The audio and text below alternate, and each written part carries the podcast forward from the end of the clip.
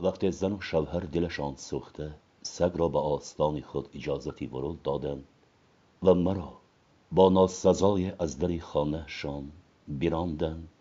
در عمر خود نخستین بار به قدر خود تحتن گریستم. از دل خفه شدم که انسان هستم و انسانم زادند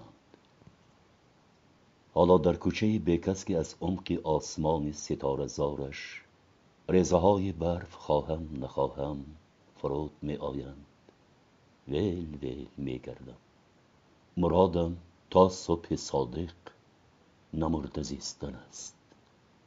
سرد است هوای شب ایاس دارد. چنان خنک که در این نیمه شب ظلمانی و بلاخیز مرگ در آغوش کوچه های خلوت شهر شادی می کرد.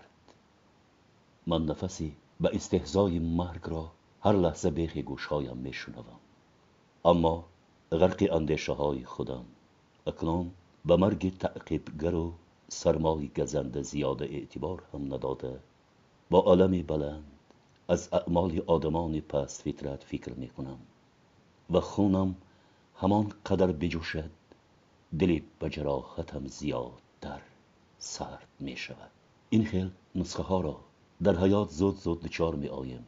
خیلی بیرحمند. آنها بشک دلی سنگ دارند. پروردگار در سینهشان از ازل یک پاره سنگ را جای داده است. در رفت زندگی مرکب پس از دیدن گرمی و سردی های زیاد مردی و نامردی های فراوان نیکی و بدی های بشمار آن لخت گوشتی مدام تپنده سخت شده و به صورت سنگ در آمده است. انسان در نظر این عده بیترخم گویا پشه است که چان باختنش. چنین یک دانه ارزن منزلت ندارد از قضا بیچاره را دچار آیند که جانش به حلق آمده است و برای کمک به آنها مراجعت کرده است. با همان دلسنگی و خونسردی ازلیشان می اندیشند مردن بخواهی مرحمت بمیر اما در پیش آنها نه برو و در دوری ها با خدای خودت حساب و کتاب بکن. به آنها خلل نرسان باری بر زیاد نگرد خلاص یک زمره از شفقت دور دلسنگان و دلسگانند دماغم پاکیزه سوخته است. به حدی که از دودش خودم نفس تنگ می کردم تعفنش مغزم را گیج می کند و دلم را به حضور. عجب. در بین ما زیادند این دل مردگان آهکشان از دل می گذرانم و به شکسته شدن یخباره های زیر پایم چندان اعتبار نداده برای خود ادامه می دیم کجا می روم من؟ نامعلوم. ندارم جایی که از این سرمای بیدار و بیداد سری خود را به پناهش ببرم. پایهایم را حس نمی کنم و آنها در درون پای پوش نیم داشت دو پاره تراشرام می مانند. اکنون در شکنجه سرمای طاقت ناپذیر مانده حس کردم که آن را در حالت سردرگمی به جای موزه درونش موینه و نو زمستانی پوشیده. پس беҳад беҳуш будаам худам бехабар. аз ронда шудан дар ҳоли шок афтодаам аз сари қаҳру зарб берун баромадаам сар ба гиребони мӯйинааш ҷой ҷой кӯяхӯрдаи чакманам мекашам. дастони сармозадаамро аввал ба киссаҳоям хаста ва дар он умеди наҷот пайдо накарда бо зӯри иродат то лабҳои карахтам меорам ва мехоҳам бо нафасам гарм созам. اما نفسم هم سرد است مگر. دستانم یگان گرمی حس نمی کنم. قلبی از سرمای وحشی فشرده شدم به درد می آید. حقیری و بیقدری خودم را در پوست و گوشتم سنجیده می سوزم و می سوزم. بعد با دلغشی می اندیشم که شاید خودی من هم از همان طرف مردمی دلش سنگ و انصاف خورده هستم. اگر نه چرا سالیان پیش از دست ناداری ها به تنگ آمده؟ زوجه و دو فرزندم را به حالشان گذاشته به این شهر آمدم. چرا؟ راحت جان و تنی خود را از تشویش عزیزانم بالاتر و بالاتر دانستم. آمدم و آن عزیزان خود را بالکل به دام فراموشی گذاشتم. پس من هم از حق دلان کم نیستم. شاید نسخه برجسته این خیلی مردمی به انصافم. و اکنون ای من و عمری به سمرم وقتی که پای در گل فرو ماندم شیرین شیرین یادشان می‌کنم و امید دارم. امید دارم که های منی از مرز دیانت بیرون رفته را ببخشند.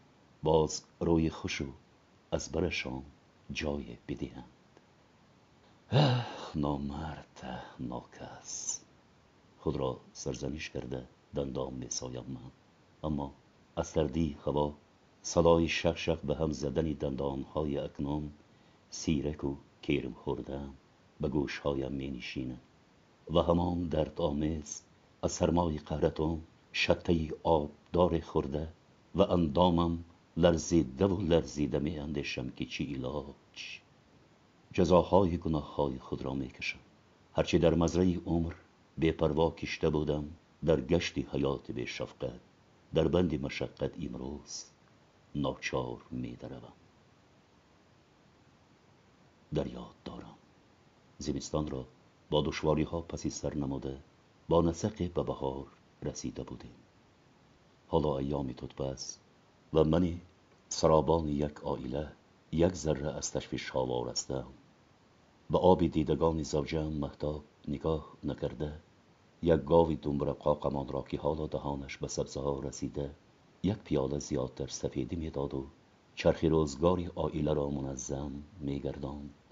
به بازار درآورده فروختم و به پولش چپته هواپیما خریده نهایت خود را از همه مسئولیتی سروبری آیله آزاد یافتم و در دفتری عمر برای زوجه و دو کودکی نوپایم یک خطی سیاه کشیده به این مملکتی دور آمدم اینجا مدت کار و مقدار نقدی نیافته جوش حیات را به گونه دیگر دیده به تحقیق همین عقل ناقصی خود فهمیدم که زندگی چه لذتی گوارای داشته است.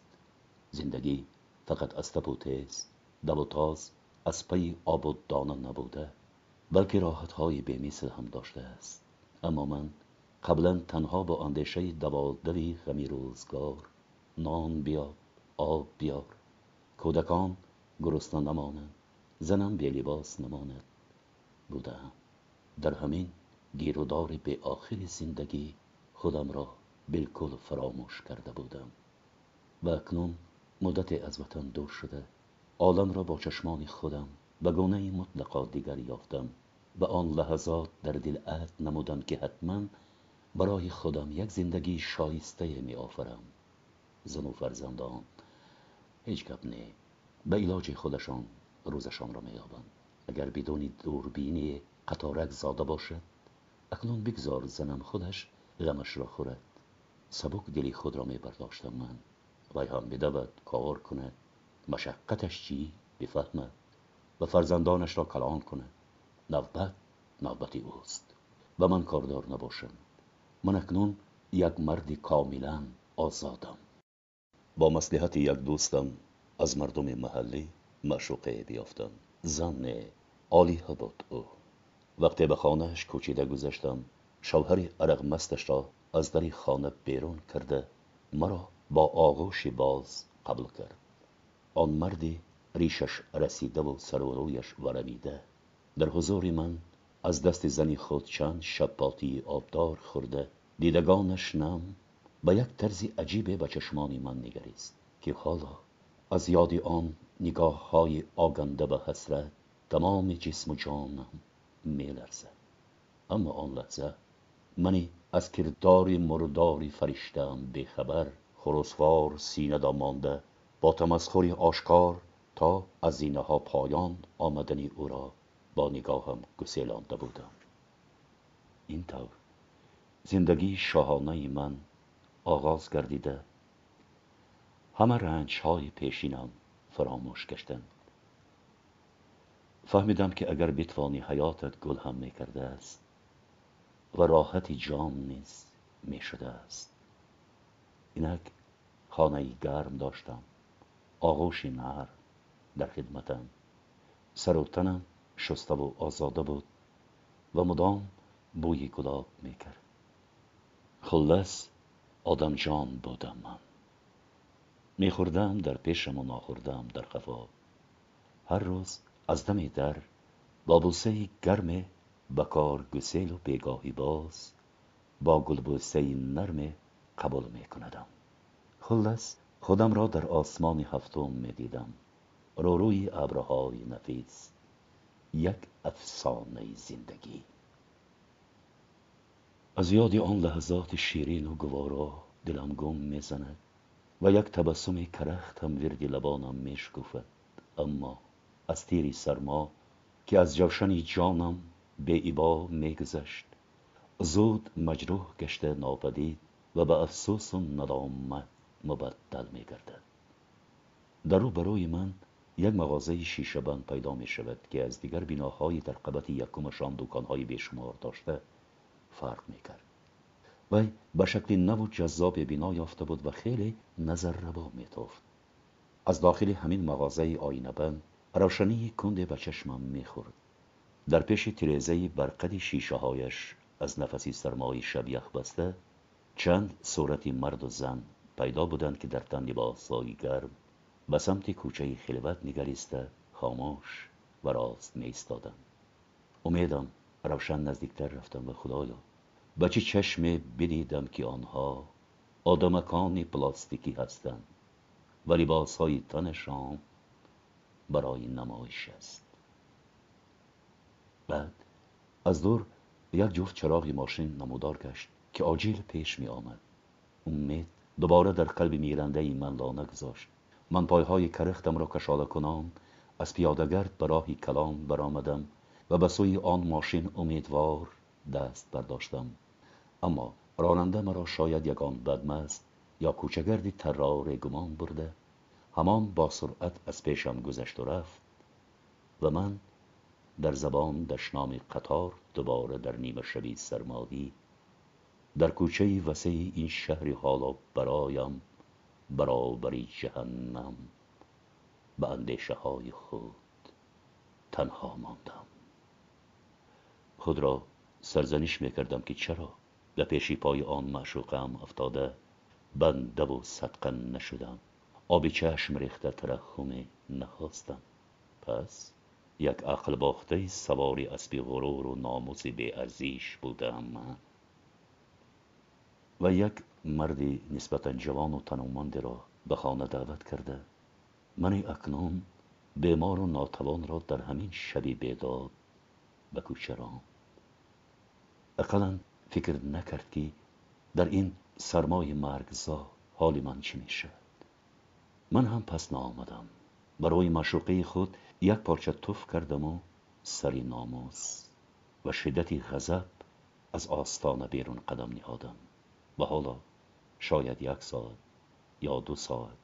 یا که از این هم بیشتر است که زیر آسمانی کشادی پرستاره ویل ویل میگردم و حس می‌کنم که از دوری های چکن پوش آن اجرام نورانی به حال من نشخند می‌زنند. علیه من شوربخت مرگ را کشکش می‌دهند. پایهای کرختم به امید تنی لرزانی مرا از کوچه به کوچه دیگر می‌کشد و می‌برد و تا زمان شدتی سرما را فراموش سازم من زود زود از این و آن فکر می‌کنم و حالا از خیالم میگذرد که زندگی پرنیانی تا وقت ادامه کرد که قوت در کمرم باقی بود. ماه گذشت سال گذشت. و زنگار زندگی تنم را افسرده اکنون نه آن مرد شهوت نشان بودم که میان من و معشوقم خنکی افتاد. و رفته رفته کار به جای رسید که من به یک کالای نادر کار مبدل گشتم. حالا برو بالم ریخته یک مرد افسرده و بیمار و نهایت ناچاره هستم. یک آدمی دردی سر. هم خورلیقایم. بعد هوشی مرا به جایش آورد. به من نانخوری زیادتی لازم نیست. گفت برویم دویده. و از دامن آسمان ها فرو کشید و بروی خاکم نشان. اینطور مرا سگوار بیراند از درش از برش. بلکه سگ می بودم غالبا در برش می ماندم. اما مرا براند از خانهش آن خانه آباد. به همای دو انگشتی باریک و در حلقه انگشترین های بهایش من خودم آنها را در روز مولودش خریده و توفه کرده بودم. از شتالنگم گرفت و دور افکند. بسان یک لباس تک پوشی کهنه و چرکینش. و همان چکمانی را که وقتی از وطن آمدن در تن داشتم با یک کراهت آشکار سری کتفم گذاشت و گفت تو آزادی ایدی کچیارتو ابله از کنج لبانی در زانم این دشنام کنده شده و گوشهای خودم دلخراش رسید و از غضب به زمین توف کردم. توف من به زمین نارسیده در راه یخ بست و بر روی پیادگردی نیز از سرمای شب فشرده و کرخ با صدای شنوا برخورد. به اطراف چشم ماندم. درختان قدی راه سراسر کفن پوشند و دستان بلوری خود را به سما گردانده و گویا از درگاه پروردگار عالم ترحم می‌خواستند اگر تشنه هنگام تشنگی شدید از آب اندیشد و گرسنه از نام منی سرما خورده از گرمی می اندیشیدم. این دم از صندلی بابایم یاد آوردم که در میان چهار دیواری دود زده گذاشته شده. در شفت خانه موری دود برا داشت. بابای و بیبیم و بعضا منی آن زمان بچه خیلی شوخ در اطرافش میشینیم و پایهای خود را به لب کرپه به گرم خانه آن میاندازیم. گرمیش عجب راحت بخش بود. من با پاچه گاه پایهای بابایم و گاه پایهای بیبیم را قطیق می‌کنم و ناگاه بین پیران سالان مناظره و مناقشه برمیخیزد. من این حال را دیده میخندم و میخندم بخاری چوینی خانه چی؟ آن هم گرمی فارم داشت. پدرم هر بیگاه کنده را کفانده تراشه می کرد و منو دادرکم پراخه های از دندان تبر به هر طرف پریده را چیده در گوشه جمع می نمودیم. مادرم از تراشه ها شکمی بخاری را پر کرده از دامنش آتش می و از بالایش مقدار زغال می انداخت پس از لحظه بخاری ما می تصوید من تازان بیرون برآمده و از بینی ناودان یخی را جدا کرده زود برمیگشتم و به دور بخاری شیشته همان یخ را به شکم اکنون سرخ شده آن میخلاندم. بخاری تفسان میخندید و میخندید. یخی دستم میل میل میگریست و میگریست. و من از صدای آنها ضعف برده و خرسندی می‌کردم. اما ناگه یخ تماما آب شده دستی من به شکم بخاری می‌رسید و همان لحظه فیغانم به آسمان میپیچید. چه دوران بیغمی داشتم من. یادی آن ایام رنگین مرا مدت مشغول داشته بعد چون شهاب از ماورای گونه گونه حادثاتی گاه و خندزاد و گاه تأسف انگیز این واقعه در شام ذهنم پیدا می گردد باز هم زمستان بود. زمین و زمان در تصرف برف است. ما در بساط خود از چهار پا و جز چند سربز و گسفند و یک گاوی جوشایی خری داشتیم و که یک زمان خدمت خاندان ما را از دل و جام اجرا می کرد همان شبان و روزان پیر و ناتوان و کار کفته شده بود. و پیندار من بسیار می‌خورد بسیار خواب می‌رفت و قریب کاری نمی‌کرد. من در چنین یک زمستانی سرد شام هنگام جلو افسارش را از پشتش کنده بطن لاغرش خیله چوب زده به کوچه رانده بودم.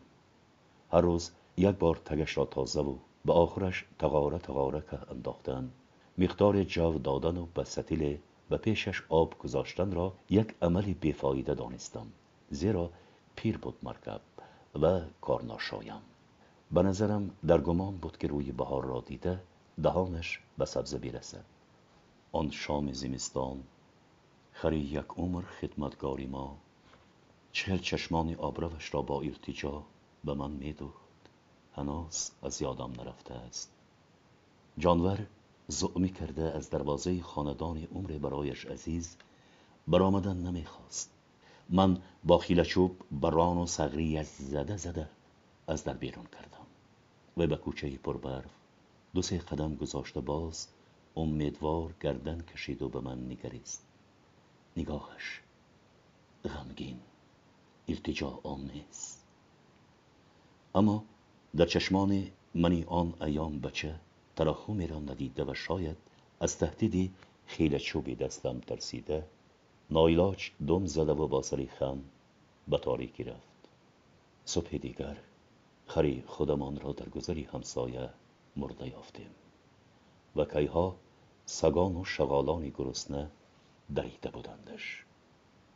این کاری مرا پدرم فهمیده سخت در غضب شده بود و شاید از بیرحمی فرزندش ملول و آزرده خاطر هم گشته بود که چند مدت به من روی خوش نمی‌داد.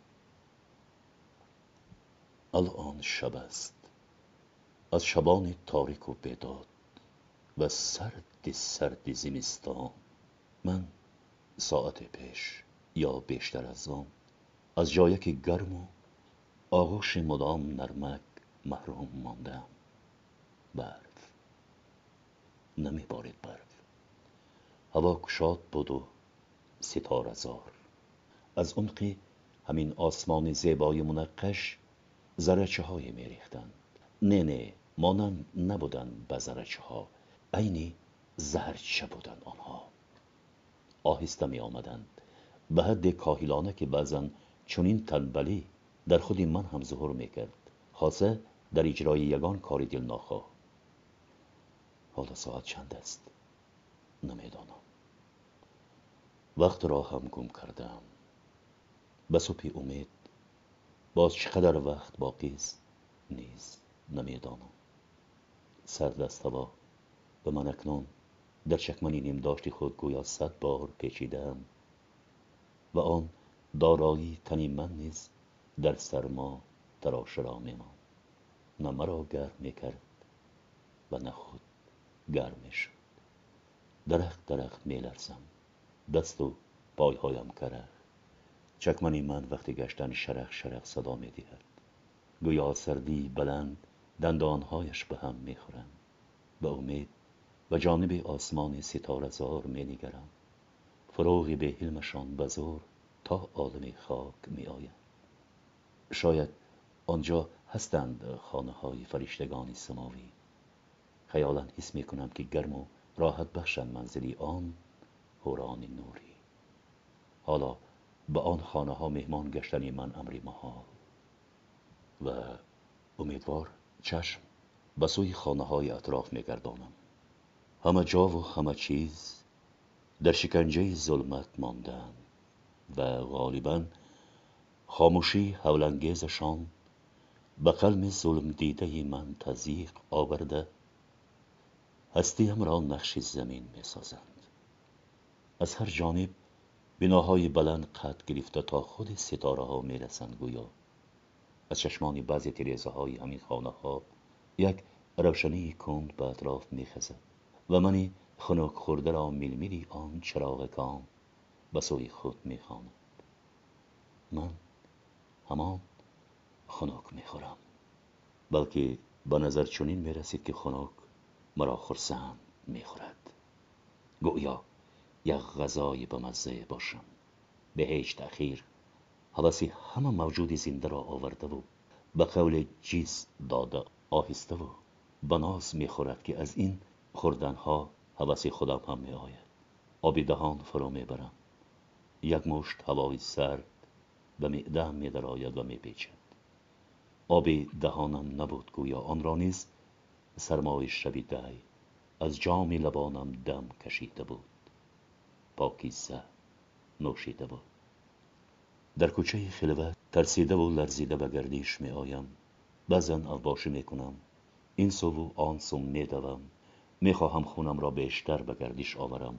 آخر یگانه گرمی که امیدی مرا زنده می سازد همین خونی در شریان هایم جاری است. میدوم و میدوم به شلپر گشته. اکنون نیروی تنم کاهش مییابد و من زود از این شغل دست میبردارم بعد غضبم جوشیده ماشین های در قدی راه قطار را لگت می‌زنم و آنها به شور میآیند بانگ خطر می‌زنند اما کسی به این بانگ جواب نمی‌گوید ملیسه را هم فریاد نمی کند امیدوار بودم که به گمان یگان اوباش یا دزد شبرو های این شهر داشته مرا با خود ببرند و پسی پنجره میمون خانه خود بیاندازند. و من از دست این سرمای مستی بیره به موقت باشد هم نجات بیابم. اما بر قصد من مرشبها پدیدار نبودند شاید شاید در یگان گوشه گرمکک خوابند. خلاص در این شهر حالا هم میرو هم میرشبش سرما بود. و به قصد جان من منی به خانمان دندان تیز می‌کرد. من گرفتاری خود و زندگی این دم پر عذاب خودم هستم. سربای وشی به گریبانهای من پیچیده و من گریبان گیری آن هستم. وی مرا می‌خواهد سوار شود و نقش زمین بکند. من او را می‌خواهم لجام زده و رام سازم و در ماورای همین نبرد نابرابری مرگ و زندگی دست و پا می‌زنم. تلاش میورزم. تا مفت تعمه گرگ سرما نگردم. اما صبح امید ناپیدا بود. فکرم ناایان به وطن میکوچد. آنجا زوجه و دو فرزندی چندین سال پیش به تلاطمی حیاتی به رها کردم زندگی داره البته خانه هایشان گرم بودگی است. شکمشان هم سیر. تنشان بیشک بتون اما من اکنون حالی دارم که حالا از کرده خود صد بار پشیمانم تربه تربه گه می‌خورم هم. منی از این مانده و از آن رانده به امید از دل میگذرانم که مهتاب مادری بچه های زنده جدایم مرا میبخشیده باشه. دو جگرگوشه اکنون شاید کلانه شده و به دست یاری مادر مبدل گشتم از گناه من بیمیر میگذشته باشم. اگر همین شب زنده بمانم البته صبح زنگشان می‌زنم و می‌گویم که عزیزانم مهربانانم من پدر اخمق شما زنده و خدا خواهد به نزدان بر میگردم میباش نگیستند.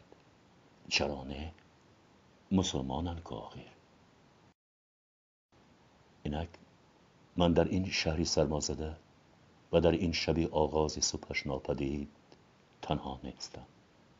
از کدام تنکوچه یک سگی طولک و من همراه گشت. وی مینگاس زنان گردی مرا یک چرخ زد و تنی سرما کشیدهش را به ساق پایهای من مالید با امید مالید. پایهای خوردهش را مانوگیر از زمین برداشته. بعد روی فرش از یخ کرخش بسته چکه زد و نیز درخ درخ لرزیده. چشمان امداد جویش را به من یقین ترحم می‌خواست. اما در چشمان من رحم نبود. آن حسی عالی انسانی هم یخ بسته بود. خواستم شکمش لگدی زده از نزدم دور بکنم. اما از چه بود که به حال خود آن سگی ویلگرد ناگهان دلم سوخت؟ پس هنوز شفقت در عمق زمیری من پای برجاست نمرده است آن. از سوز دل آه کشیدم. آهم نیز سر چنان بدرد کی اما ناعلاج بودم من. نه به خود و نه به آن سگی مثل خودم به خانمان کمک کردن نمی توانستم دست کوتاه بودم بلکه خودی همان دست نبود. در وجودی این دم سرما کشیده ای من. و دسته دری هر درآمدگاه بیناهای قطار و بلند دست یازانده می کشیدم بستند. می‌دانم تا به زندگی ساکنان خانه های بلند آشیان بهوده و بهوده خلل نرسانند. درهای بیناها نیز آهن پوش شدن و قلف و کلید دارند. شاید از ترس دزدان شبگر اما من دزد نیستم.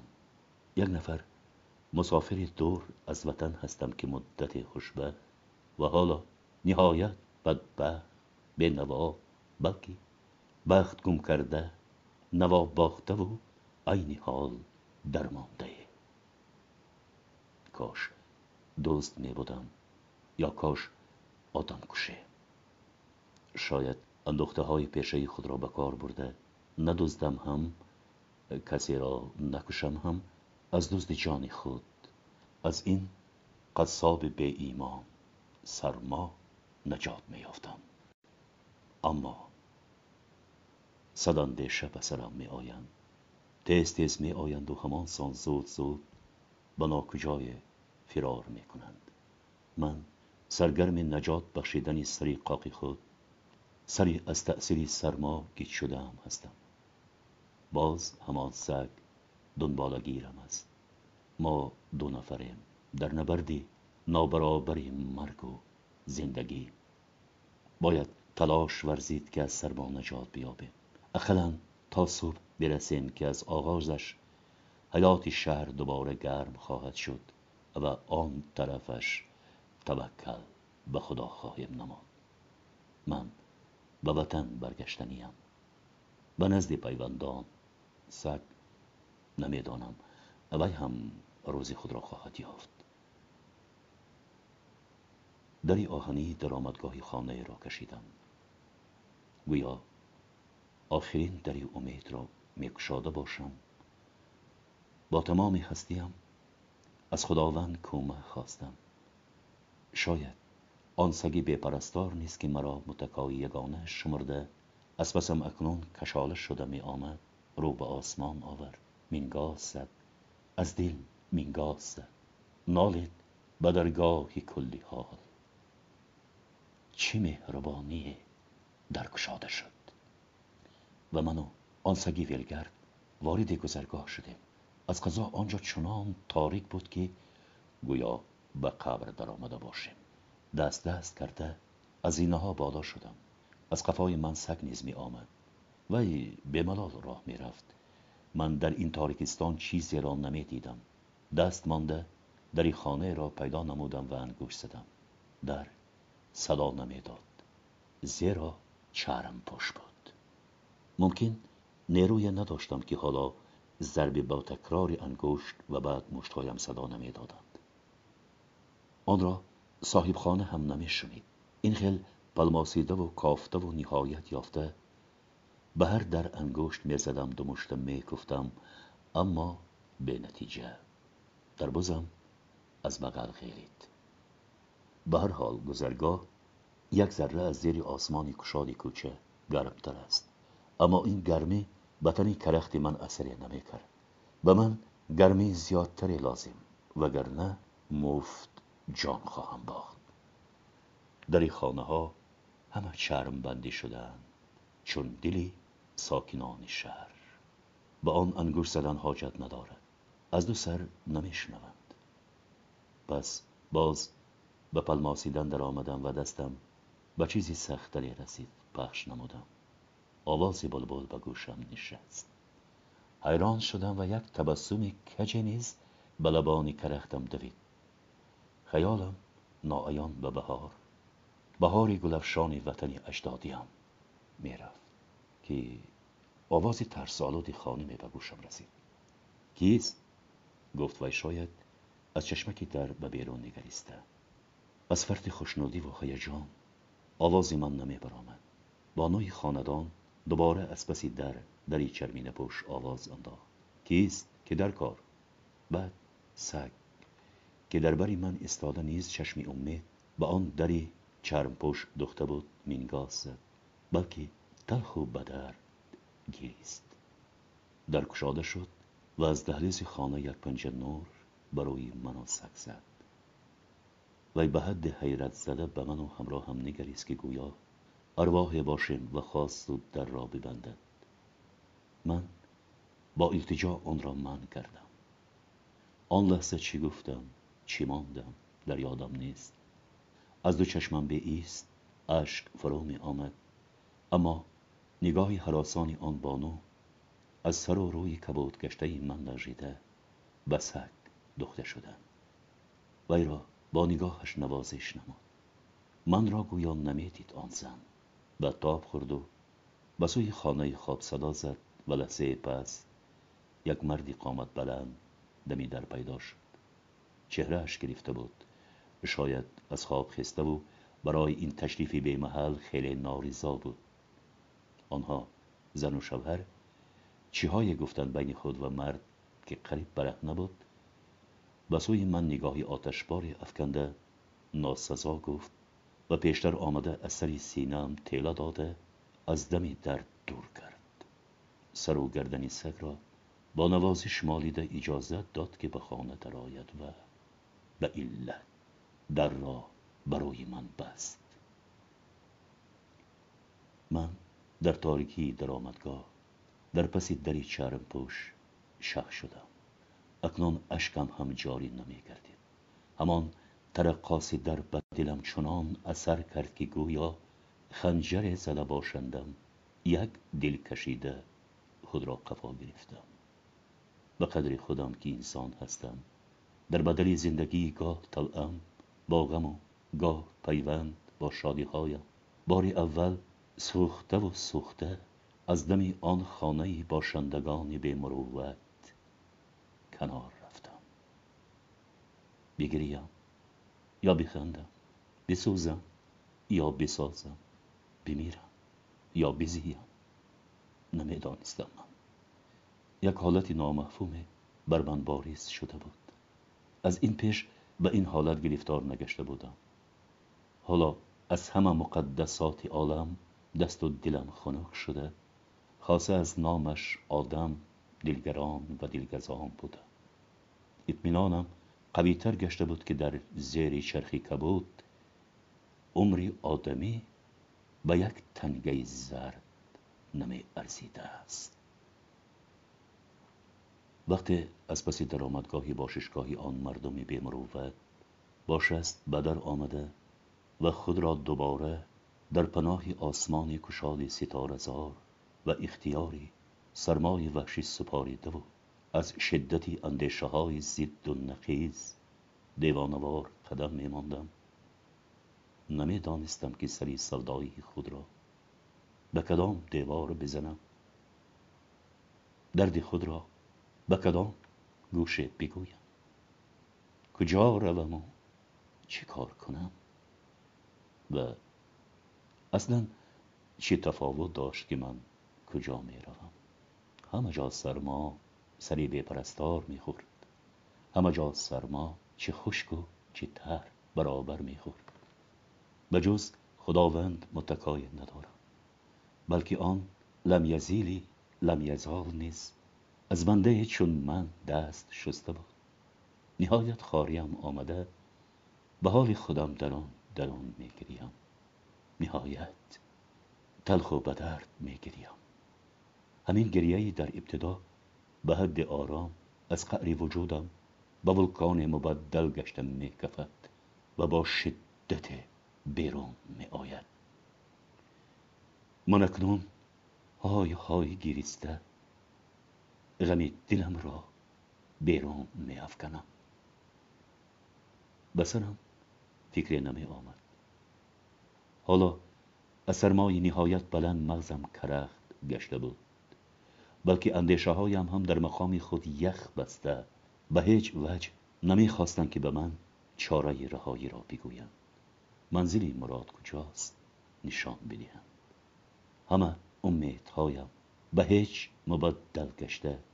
نهایت یک مرغ بسمیل را میماندم و با زور ارادت پایهای به حس خود را کشاله کرده از یک کوی به کوی دیگری میگذشتم. دیگر نیروی ندارم که علیه سرمای شب مقاومت بکنم. چند قطره اشک در گونه های کرختم یخ بستند و آینه چشمانم متصل خیره شده. منظره اطراف را نهایت گم می‌کنم. پایهایم در بندی زولانه مرگ گرفتار است. وزنین و عجب بهیسند من دیگر نیروی راه رفتن ندارم. حس می‌کنم که واپسین جرعه نیروی مرا سرما می‌خورد. یک نفسی کوتاه.